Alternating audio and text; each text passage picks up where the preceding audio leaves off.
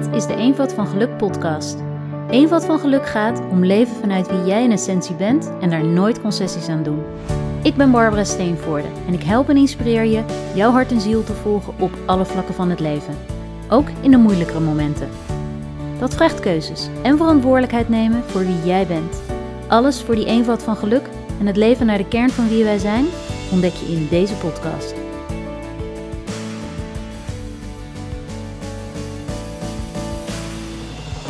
Aflevering die je nu beluistert gaat over eenvoud van geluk voor en met onze kinderen.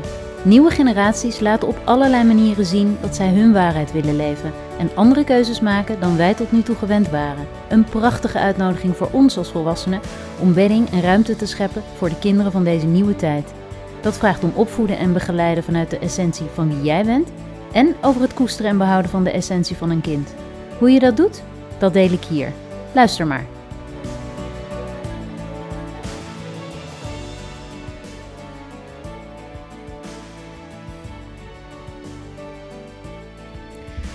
Hi, van harte welkom en leuk dat je weer luistert.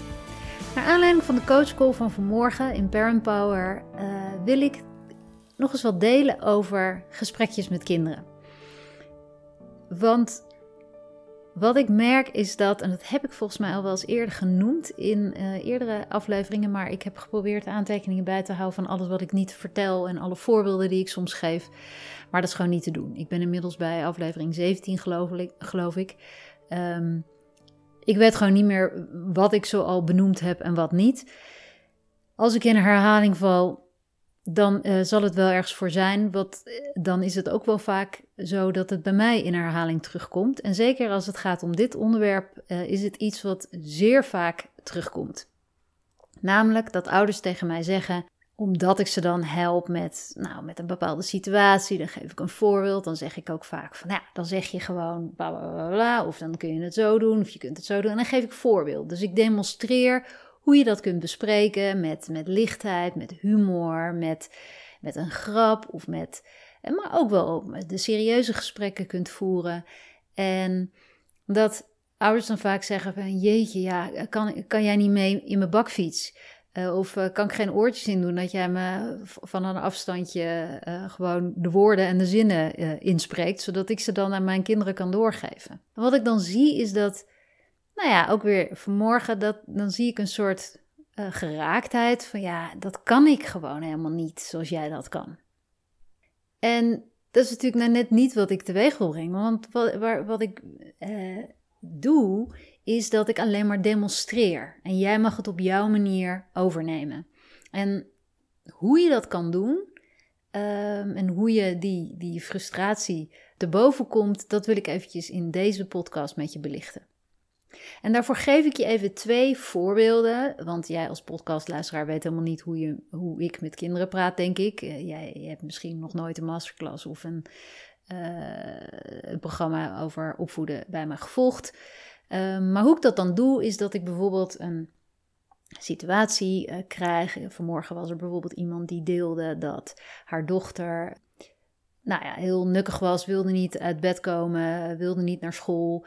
En uh, toen deed uh, moeder een, een soort spelletje, waardoor ze heel langzaam naar beneden ging lopen. Uh, en, en ze zei van, nou, ik ben benieuwd of jij mij in kunt halen. En ze maakte er gewoon een soort toneelstukje van, wat ik al super goed vind, super leuk. Breng lichtheid erin, leid je kind af, laat je, neem je kind mee. En wat ook lukte, want dochter kwam de bed uit, rende de trap af en gaf in het voorbijgaan, terwijl ze dus haar moeder inhaalde.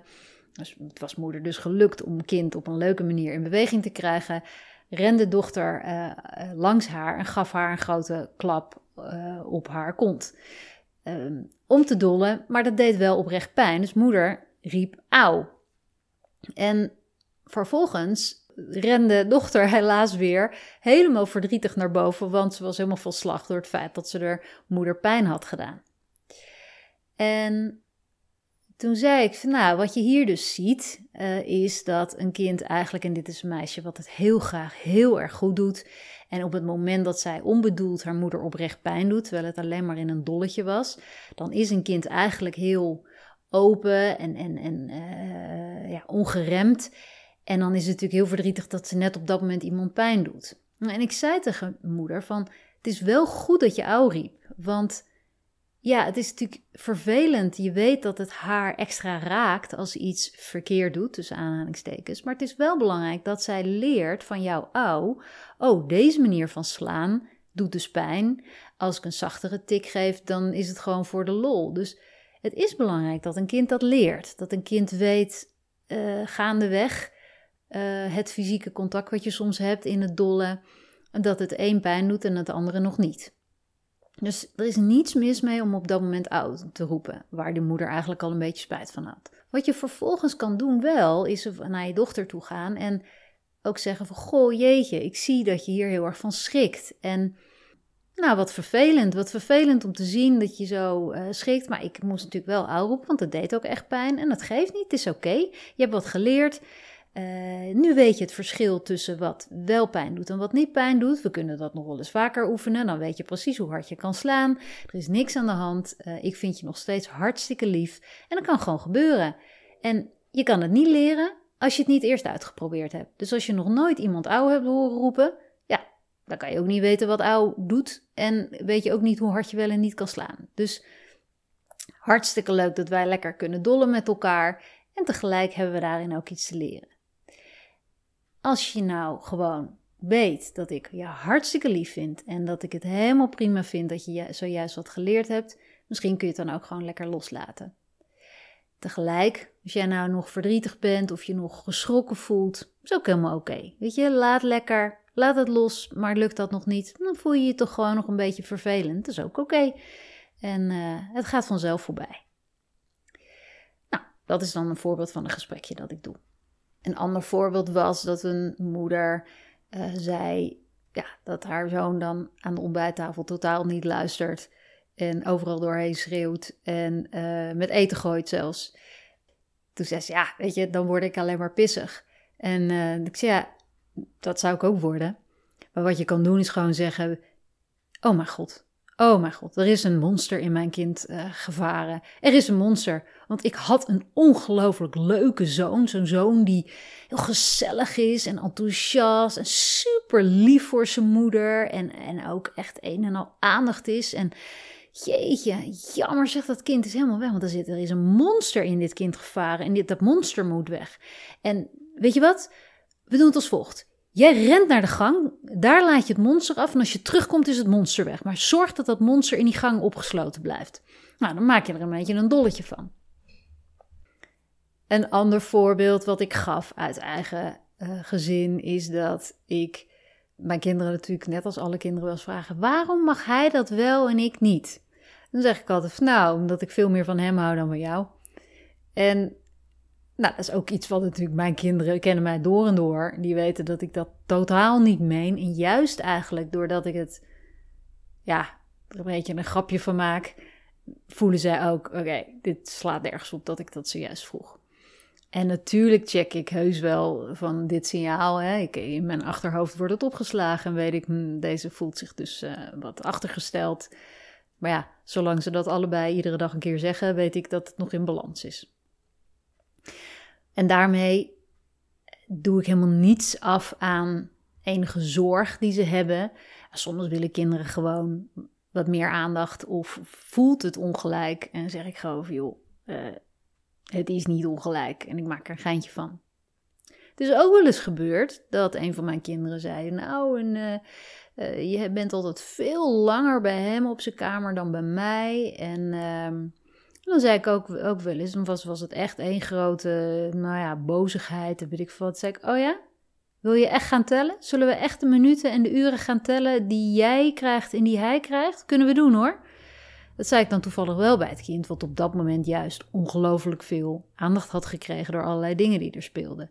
Dus dan kan je ook het een beetje plat slaan en zeggen van nou, ik wil dit gerust met je aangaan, maar ga het dan maar bijhouden. Maak maar een Excelletje. Heb je ook meteen geleerd hoe Excel werkt.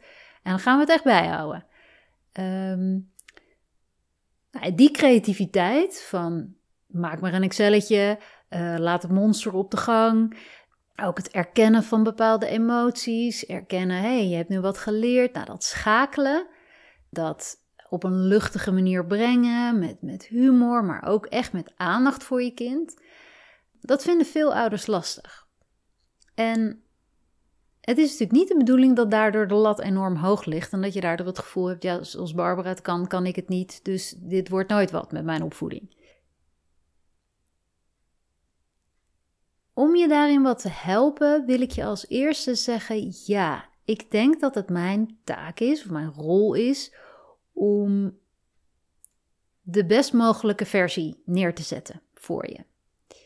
Ik doe dat ook niet perfect thuis. Ik maak genoeg fouten. Maar ik voel inderdaad wel vaak op afstand voor het kind van een ander of in het actuele moment met mijn eigen kinderen of met een kind wat hier uh, bij mij komt, voel ik wel wat er nodig is op dat moment. En wat er aan de orde is en wat, wat helpt en wat niet helpt. Heb ik daarin nooit de plank misgeslagen? Ja, natuurlijk wel. Dus het allereerste wat ik misschien wil zeggen is: natuurlijk hebben mijn kinderen ook wel eens gezegd, als ik bijvoorbeeld heel erg hun emoties erkende, of met hen meeging voelen van goh, is, uh, ik, ik kan me voorstellen dat, dat dit heel moeilijk is, of dat het heel frustrerend is, of ik kan me voorstellen dat, nou, ik voel een beetje dat je dit of dit wil, of dat of dat vindt. En natuurlijk heb ik ook wel eens teruggekregen: nee, dat is het helemaal niet, mama. En natuurlijk had ik dan ook wel een beetje zo'n gevoel van: oh, nou, ik bak er wel helemaal niks van. Maar dat is, heeft me eigenlijk nooit ontmoedigd. Dan dacht ik altijd: nou, moet ik nog verder zoeken. Het is voor mij geen reden om ermee te stoppen, om dan maar die gesprekjes niet te hebben. Want ik zie ook dat het heel vaak wel werkt. Dus dat is het allereerste. Doe het gewoon en durf, uh, durf ernaast te zitten. Durf het niet goed te doen. Durf zo'n grap over die gang en dat monster te maken. Stel je voor dat jouw kind net gaat huilen. En dat hele monsterverhaal en dat opsluiten in die gang niet werkt. Kan gebeuren. Maar de volgende grap die je van, iets, van een situatie maakt, komt misschien wel aan. Dus onthoud één, dat ik ook echt wel eens de plank heb misgeslagen en nog wel eens doe. En twee, dat je zelf de plank mis durft te slaan. Dat het niet altijd zo spot on hoeft te zijn. En dat is natuurlijk wel wat mensen vaak horen in zo'n coach, coachcall. Want dan, dan ga ik in zo'n situatie, in zo'n situatie helpen en doe ik suggesties of doe ik, demonstreer ik iets. En wat je zult merken als je een keer een masterclass bij me volgt, dat ik dan op de een of andere manier, ja, en dat is een beetje oneerlijk, maar op de een of andere manier inderdaad spot on weet wat daar nodig is. Dus dan kan je een situatie bij mij inbrengen en dan antwoord ik en dan zeggen ouders, ja, jeetje, ja, dit is exact wat ik had willen zeggen. Maar ja, daar kom ik dus niet op. Dus ja, dat is een beetje gemeen, want het, het is eigenlijk gewoon dan kom ik op punt 3, heel veel doen. Dus vanmorgen was ook mijn belangrijkste tip: ga het gewoon doen. Ik inspireer je wel met voorbeelden, met gesprekjes, met, met wat belangrijk is op zo'n moment.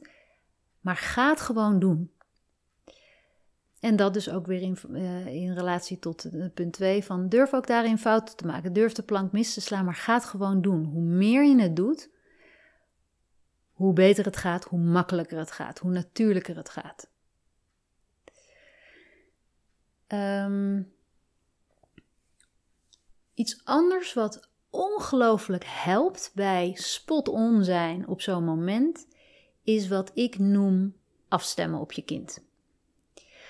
Uh, afstemmen is eigenlijk dat je helemaal naar binnen gaat en gaat voelen in jouzelf wat jouw kind moet voelen. Um, ik kan dat heel goed op afstand. Dus ik kan goed, um, als jij een paar, in een paar zinnen vertelt wat er met jouw kind aan de hand is, kan ik vrij goed invoelen. Dan stem ik af, dan vraag ik even wat is de naam van je kind, hoe oud is je kind. Uh, en dan heb ik onmiddellijk komt er een plaatje boven en ik, ik, nou, daar kan ik niet zo goed uitleggen hoe ik dat doe. Dat is gewoon mijn intuïtie waarin ik helemaal afstem op het kind. En ik dus ook voor ouders kan uh, heel goed kan demonstreren wat helpend is in zo'n situatie. En ouders herkennen het, want die kennen hun kind natuurlijk als geen ander. En die weten wanneer mijn gesprekje of mijn suggestie aankomt bij een kind of niet.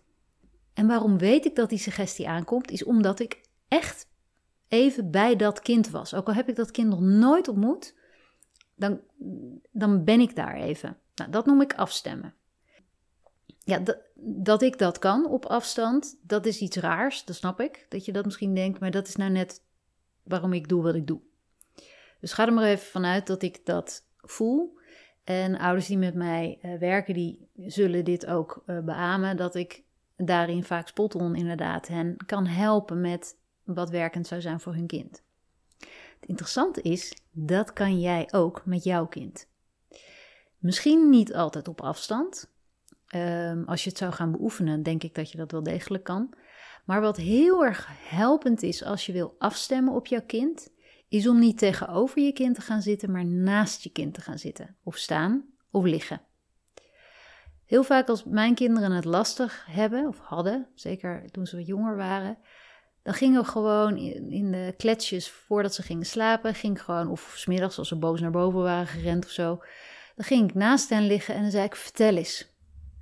En terwijl ze dan aan het vertellen waren en ik telkens een vraag stelde waardoor ze meer gingen vertellen, dan sloot ik mijn ogen en dan kon ik, terwijl ze aan het praten waren, kon ik gewoon voelen wat zij op dat moment voelden. En dan zeiden zij wel, ik ben super boos. Maar dan kon ik zeggen, ja, dat hoor ik, dat zie ik ook. En ik denk dat jij gewoon ongelooflijk verdrietig bent en ongelooflijk moe bent van zo je best doen. En op het moment dat ik dat dan uitsprak, begonnen ze vaak ook enorm te huilen of vielen ze echt letterlijk in slaap. En dat is ook weer omdat je dan spot onbenoemt wat er echt aan de hand is. Het voorbeeld van die moeder die die pets op de kont kreeg en ouw zei. Um, je kan dan een gesprek met je kind, de verleiding is groot om met je, uh, een gesprek met je kind aan te gaan van ja, maar ik moet wel ouw kunnen zeggen en, uh, en het deed ook echt pijn. Of en ik weet dat je het niet expres deed, maar ja, dat moet je wel weten. Wat veel helpender is, is om dan naast je kind te gaan zitten en te gaan vragen: Vertel eens, lief schat, waarom ben je nu zo overstuur door mijn ouw roepen?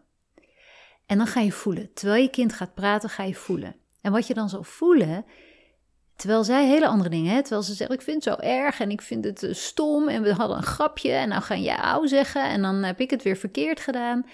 En dan kan je zeggen: Ja, daar gaat het over. Hè? Je schrok gewoon, want je wilde iets heel leuks doen. En terwijl jij dacht dat je iets heel leuks deed, had je in één keer het gevoel: ik doe het helemaal fout. En dat is zo'n afschuwelijk gevoel aan de binnenkant. En dan helpt het enorm om dan gewoon in je hoofd maar super, super, super boos te zijn. Want dan hoef je nou van de binnenkant niet te voelen hoe ongelooflijk verdrietig je voelt. En hoe een rot gevoel dat is. Dat je, dat je voor je gevoel weer iets verkeerd doet. Maar weet je, van dingen die we verkeerd doen leren we ook. En het is echt oké. En ik weet dat jij het niet zo bedoelde. En ik doe ook wel eens dingen verkeerd. Ik zeg ook wel eens dingen tegen jou die niet kloppen of die ik anders had mogen zeggen. Nou, dan doe ik het niet handig. Dat kan. Dat kan in dit gezin. Daar is alle ruimte voor. Als we ook maar kunnen aangeven wanneer iets niet prettig is. Dus daarom zei ik auw, omdat het echt pijn deed. Nu heb jij geleerd hoe hard je kan slaan, want dit was te hard. En de vorige keer dat je me een petje gaf, was het gewoon voor de grap. En het is oké. Dus waar je dan ziet dat een kind boos is of, of heel, heel, heel erg overstuur is, maar er niet bij kan, kan je dan al voelend, terwijl je kind zit te praten, kan je afstemmen op wat er echt aan de binnenkant gaande is, waar, waar, de, waar de echte pijn zit. Op het moment dat we tegenover ons kind zitten, dat is ook trouwens grappig, want ik zit ook heel graag naast mijn partner als we samen uit eten gaan. Als je tegenover iemand zit, dan zit je veel duidelijker vanuit je eigen perspectief te praten. Want je kijkt vanuit jouw ogen, vanuit jouw perspectief, kijk je naar de ander. En ga je dus al veel sneller in je hoofd zitten of ga jij je eigen verhaal meenemen. Op het moment dat we naast de ander zitten, staan of liggen, kunnen we veel beter voelen wat er bij die ander speelt. Want dan is onze blik niet zozeer gericht op de ander aan, vanaf de overkant, maar dan zijn we eigenlijk echt met die ander. En met de ander zijn is de beste, het beste uitgangspunt voor het afstemmen op de ander. Dus ik raad je ook altijd aan, als je ruzie met elkaar hebt, als je ruzie met je partner hebt, ga naast elkaar zitten. Ga niet tegenover elkaar zitten. Ga elkaar niet aan zitten kijken. Want dat is natuurlijk, dan ben je echt twee kemphanen. Ga onderuit zakken op die bank, voetjes op de tafel en zeg: vertel eens. Ook daar werkt het als een dolle. In dat afstemmen ga je dus zo goed voelen wat er echt aan de hand is, dat je dan ook woorden naar boven geborreld krijgt. Dat je, het kan ook zijn doordat je iets ziet gebeuren. Dat je wel ziet dat uh, jouw jongste kind uh, je oudste slaat, maar dat je op dat moment zag wat eraan vooraf ging. Dat, dat je echt even een verdrietige blik in die ogen zag. En um, dan kan je dat benoemen. Van, goh, ik zag dat je net verdrietig was. En in één keer begon je te slaan. Dat is al lekker, hè? Dat je dan gewoon even zo dat vuur van die woede voelt. Dan hoef je nou van niet die tranen te voelen. En zeker als je bij je grote broer, dan, nou, nou je vertikt het natuurlijk om je tranen te laten zien. Nou, was best wel een goede oplossing. Ik weet alleen niet of het de handigste oplossing was. Als je weet dat je moeder niet wil dat er geslagen wordt in huis. Dus misschien moeten we even een andere manier vinden. Maar ik vond het op zich wel. Ik zag wel dat er hier iets gebeurde. Um, en ik snap ook heel goed dat je dan je tranen niet wil laten zien aan je broer. Hey, maar nog even over die tranen. Vertel eens, hij is er nu toch niet bij. En zo op die manier kan je ook je kind weer laten merken dat je eigenlijk van alles al gezien hebt. Waarom kan jij het ook? Nou, omdat jij net als ik gewoon kan zien. Net als ik kan jij voelen, je kan horen, je kan al je zintuigen gebruiken om met jouw kinderen te zijn. Daarin ben ik echt niet uniek. En dat is ook wat ik, waar ik je toe wil uitnodigen, dat als je denkt, ja, maar hoe, hoe kan ik nou precies zeggen wat handig is, dat je precies benoemt wat je ziet gebeuren. Dat je je kind ook zonder oordeel kunt bekijken. Dat vraagt dus om te zien dat er eerst die verdrietige ogen waren en om dan niet zo streng te worden op dat er vervolgens een map wordt uitgedeeld. Dat je wel daarin een grens aangeeft, maar dat je eerst het gesprek laat hebben over dit is wat ik zag, dit is wat ik zag gebeuren. Ik zag eerst die verdrietige ogen, want je, was, je voelde je gewoon in de maling genomen door je grote broer. En toen loste je het op met mappen. Nou ja, ik hoef jou niet meer uit te leggen dat mappen hier in huis niet oké is. Daar, gaan we het, eigenlijk gaan we het daar niet eens over hebben. Goed? Zullen we het daar gewoon niet over hebben? Want dat weet je wel, toch? Ja, dat weet ik wel. Oké, nou, nou, scheelt weer een onderwerp. Zullen we het dan meteen over die tranen hebben? Want die zag ik achter in je ogen. Snap wel dat je ze niet liet zien, maar ik wilde wel meer over weten. Wil je het met me delen? En dat, dan, dan geef je aan je kind terug wat je allemaal is opgevallen. Op een luchtige manier, uh, je gaat niet rustig en zwaar zitten van, nou, wat me is opgevallen, is dat je echt geraakt werd en dat je, nee, dat ga je niet doen. Je gaat gewoon heel erg op hun manier praten. Dus dit zag ik. Ik zag het en uh, het lijkt me ook super irritant. En ik zag ook, hij was bloedirritant, die broer van jou. Ik begrijp het wel. Dus dat je ook een beetje die pissigheid die ze gevoeld hebben, ook een beetje laat doorschemeren. Want die zag je. En je zag ook het verdriet. En dan ga je je eh, daarop afstemmen. Dan zeg je weer van nou, en hoe zit dat dan met dat verdriet? Want die zag ik wel. Uh, wil je daar iets over kwijt? Wil je, wil je hulp bij hoe je dat voortaan op een andere manier kan doen? Dus naast het afstemmen door naast iemand te gaan staan of te gaan liggen, weet ik veel, kan je dus ook um, gaan praten vanuit dat wat je gezien hebt. Dat wat je waarneemt en dat wat je weet van een situatie dat is ook dat wat je weet van een situatie brengt me op het volgende: dat je ook dingen weet over je kind. Stel je voor dat jouw kind thuiskomt en een soort stoerderig aan jou vertelt: Nou, die en die wilde alleen maar samenspelen, ik mocht niet meedoen. Nou, boeien, maakt me echt niet uit en ze zoeken het maar uit en ik hoef toch geen vrienden meer te zijn. Dan kan je denken: Nou, dit is overduidelijk beschermersgedrag. Die wil gewoon niet voelen hoe buitengesloten hij of zij zich gevoeld heeft kan je naar luisteren. Dan ga je dan ook niet echt meteen iets tegen inbrengen. dan, ga je mee even in dat verhaal van, goh, nou, good for you. Ik merk dat je al bedacht hebt hoe jij uh, daar gewoon geen last van wil hebben. En dan, uh, hmm, maar um, ja, ik weet ook dat jij eigenlijk normaal altijd heel blij uit school komt als je met hun gespeeld hebt. Dus ik weet wel dat jij eigenlijk vindt dat zij heel leuk zijn. Dus als ik dat weet en als jij dat weet, dan kan ik me ook voorstellen dat, dit gewoon eigenlijk wel een heel erg rot gevoel moet hebben gegeven dat zij alleen maar met elkaar wilden spelen. Zou dat ook nog kunnen zijn? En dan kan je dus praten vanuit: ik weet hoe jij bent, of ik weet wat je normaal gesproken vindt. Hetzelfde geldt voor uh, als een kind heel boos tegen jou doet, of, of heel brutaal doet. Hè? Dat voorbeeld van uh, er is een monster in mijn kind gevaren. Eigenlijk zeg je daarmee, en dat kan je op een rustigere manier ook doen: van goh, ik zie dat je boos doet tegen me. Ik zie dat je onwijs chagrijnig doet en heel dwars. Maar ik weet dat je van me houdt. Ik weet dat wij elkaar super lief vinden. Dus als we nou eens proberen om vanuit dat stuk te gaan praten met elkaar. Uh, en ik weet dat je me nu even niet lief wil vinden, want ik gaf je niet je zin. Maar ik weet wel dat het zo is. Dus ja, je mag de ene moment boos zijn op me en nukkig doen. En maar ondertussen weet ik ook dat je van me houdt. Um, ik hou sowieso van jou. Hoe, um, wat kunnen we doen om de situatie op te lossen? De grap is dat je daarmee ook weer praat vanuit wat je weet over je kind. En dat je je kind daarmee een beetje helpt naar een overgang naar zijn zachtere deel, naar zijn echt gevoel en naar een soort luchtigheid van ja, in die end houden wij hier gewoon van elkaar. Dus ik kan echt op mijn kop gaan staan, maar ja, eindeloos boos zijn heeft toch geen zin.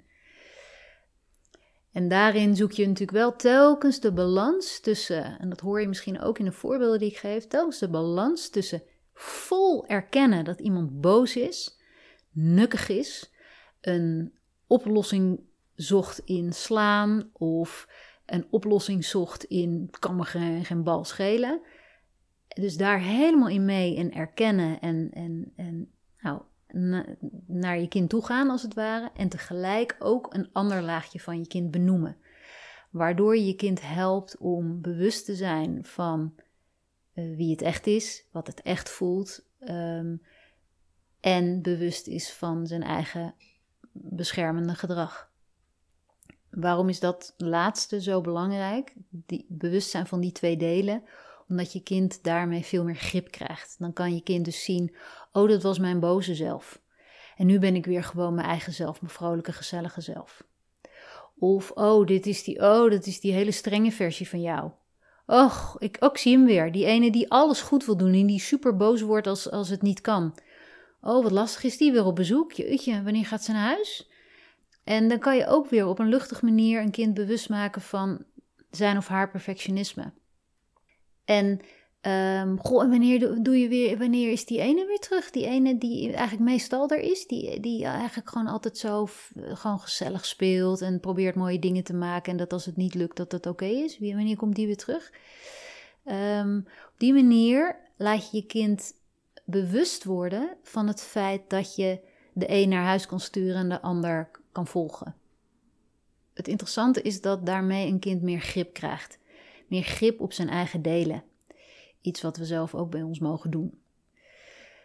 Um, zo grappig, want mijn moeder zei deze week van ja, ik merk dat als we eigenlijk heel uh, gemoedelijk zijn als gezin, als het heel rustig is, als er gewoon niet zoveel op programma staat, dan en de kinderen doen iets wat me niet bevalt, dan kunnen mijn man en ik heel goed vanuit gelijkwaardigheid en respect en, en, en eh, vanuit samen uh, reageren naar de kinderen. op het moment dat we druk zijn en in het ochtendritueel zitten en de kinderen dan iets doen wat ons niet bevalt, dan gaan we ineens heel autoritair uh, doen en gaan we veel meer macht inzetten. Ik, nou, dat is interessant. Dus er is een, een bescherm, beschermersgedrag wat eruit ziet als macht inzetten en autoritair doen. En er is een, jouw natuurlijke zelf kiest dus eigenlijk veel meer voor uh, humor, ontspanning en het op een leuke manier brengen. Dus kennelijk voel jij je in een bepaalde situatie machteloos. En als je je machteloos voelt, ga je macht inzetten. Nou, hoe zou je dan willen zijn? Wat zou je willen doen als jij je machteloos voelt? Want dat je je nooit meer machteloos voelt is een illusie. Maar stel je nou voor dat je weer in een situatie met je gezin bent, dat je je machteloos voelt. Hoe wil je dan reageren? Dus op die manier, als je dat zelf op die manier bekijkt, dan besef je dus misschien ook van, oh ja, daar krijg ik wel meer grip op. want ik zie dat het een alleen maar beschermersgedrag is, nou, dan kan ik er ook ander gedrag voor in de plaats zetten. Ja, datzelfde gebeurt natuurlijk bij je kind. En je helpt je kind enorm door hem en haar bewust te maken van die delen in zichzelf. En dat die delen helemaal oké zijn, ook vaak enorm begrijpelijk zijn. Uh, maar dat ze daar dus grip op hebben en steeds meer grip op krijgen.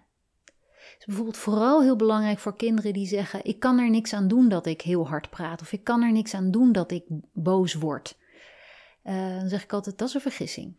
Het lukt je nu nog niet, maar daar kunnen we wel naartoe. we kunnen wel zorgen dat je daar wel wat meer een keuze in hebt. En, uh, en dan is eigenlijk uh, heel belangrijk dat je een kind bewust maakt dat er delen in zichzelf zijn. Een deel wat heel rustig kan reageren en een deel wat heel boos kan reageren. Nou, daarover misschien later nog meer. Terug naar wat kun jij doen om goede gesprekjes met je kinderen te voeren. Uh, ik heb al verschillende dingen benoemd. Uh, van fouten mogen maken, uh, de plank misslaan, afstemmen, ehm, benoemen wat je ziet, benoemen wat je weet over je kind.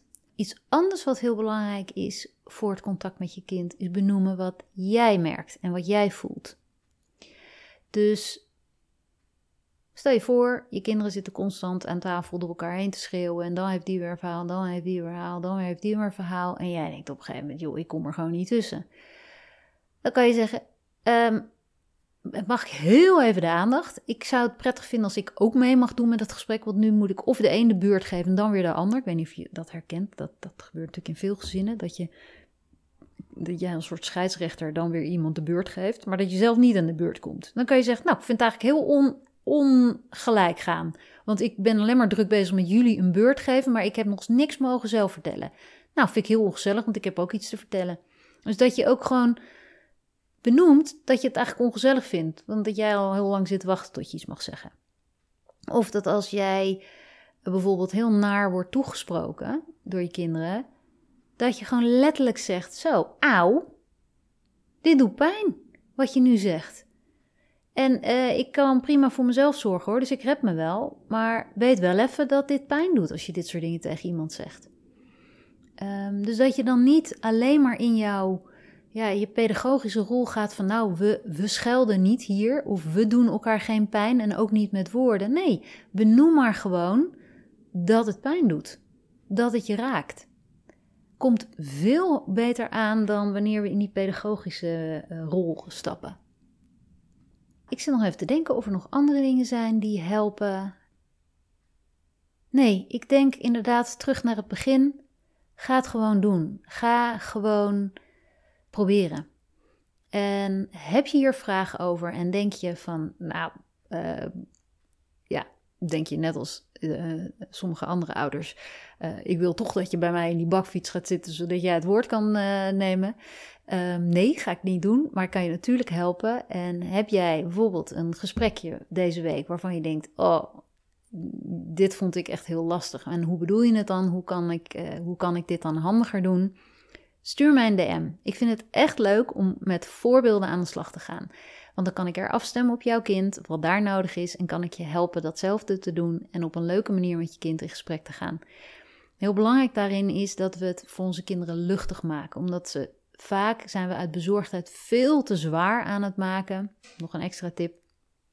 En is dat helemaal niet nodig. Um, we kunnen veel meer gewoon benoemen. We kunnen het veel luchtiger brengen met humor, met, met een klein toneelstukje. En nee, daar hoef je geen actrice voor te zijn. Dat ben ik ook niet. Maar je kunt wel je, je, je gaan voelen in hoe je met je kind spreekt. En uh, dat er echt niks misgaat als je een keer de plank mislaat. Uh, deel met mij in DM op Instagram uh, waar jij hulp bij nodig hebt, welke gesprekjes jij lastig vindt. Ik vind het heel leuk om met je mee te denken. En uh, wie weet kan ik deze voorbeelden weer gebruiken voor een volgende podcast. Dus aarzel niet. Het is een oprechte uitnodiging. En, en, als je een andere vraag hebt, of een behoefte hebt, of een behoefte hebt aan een bepaald onderwerp voor deze podcast, dan DM mij ook. Want ik wil het allemaal weten. Ik houd hierbij en je hoort me Dag! Wat fijn dat je deze aflevering geluisterd hebt. Ik hoop dat je erdoor geïnspireerd bent geraakt om nog meer te gaan leven naar jouw essentie, om vervolgens alles op je pad te krijgen wat daarbij past. Ben je nu toe aan meer geluk en wil je dat ik je meeneem in mijn plannen en inspiratie? Dan kun je mij vinden via mijn website www.barbarasteenvoorde.com en op Instagram, Facebook of LinkedIn. Om alle Eenvoud van Geluk afleveringen te blijven volgen, klik je in je podcast-app op de drie puntjes bovenaan je scherm en dan op volgen. Ik waardeer het heel erg als je mijn podcast deelt met anderen. En het allerleukste vind ik het om jouw persoonlijke verhaal te horen. Dus laat vooral weten wat deze aflevering jou aan inzicht of beweging bracht. En heb je heel concreet een vraag, een behoefte, een wens of een suggestie? Stuur mij dan een bericht via mijn website of Instagram. Tot de volgende aflevering. Tot nog meer geluk.